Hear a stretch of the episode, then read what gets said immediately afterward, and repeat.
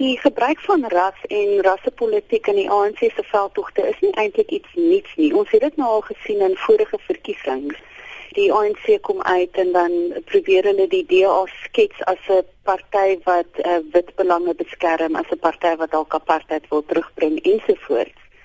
Wat ek wel dink is toe ons die opblaas van die Penny Sparrow Facebook kommentaar gesien het, is dat die ANC begin nou regtig vir kapitaliseer op rassepolitiek om 'n vrees vir die oppositie te begin bou.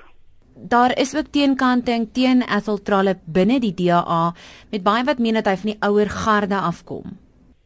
Kyk, dit is nie so 'n onnatuurlike ehm um, fenomena as 'n mens daarna kyk nie. Ek meen faksies en politieke partye is nou maar 'n normale gedeelte van hoe 'n politieke party groei en hoe 'n politieke party ontwikkel.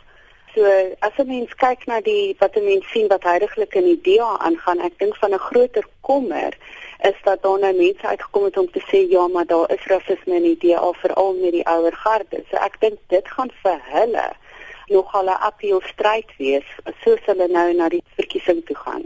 Hoe seer kan sulke rassistiese aantuigings vertraalop maak, ongeag of dit nou waar is of nie? Suits kan nogal 'n bietjie skade doen, dink ek, veral as jy kyk na jou onbesluite kiezer. Jy weet 'n 'n persoon wat nie noodwendig vir die ANC wil stem nie, 'n persoon wat nog onseker is of hy stem na die DA toe gaan gaan ensovoorts. Want op die einde politiek is persepsie en persepsie is politiek.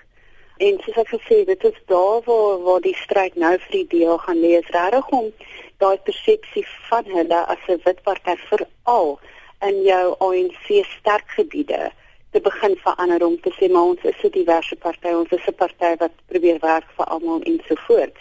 Natuurlik, die rasse debat maak nie daardie stryd enigstens makliker nie.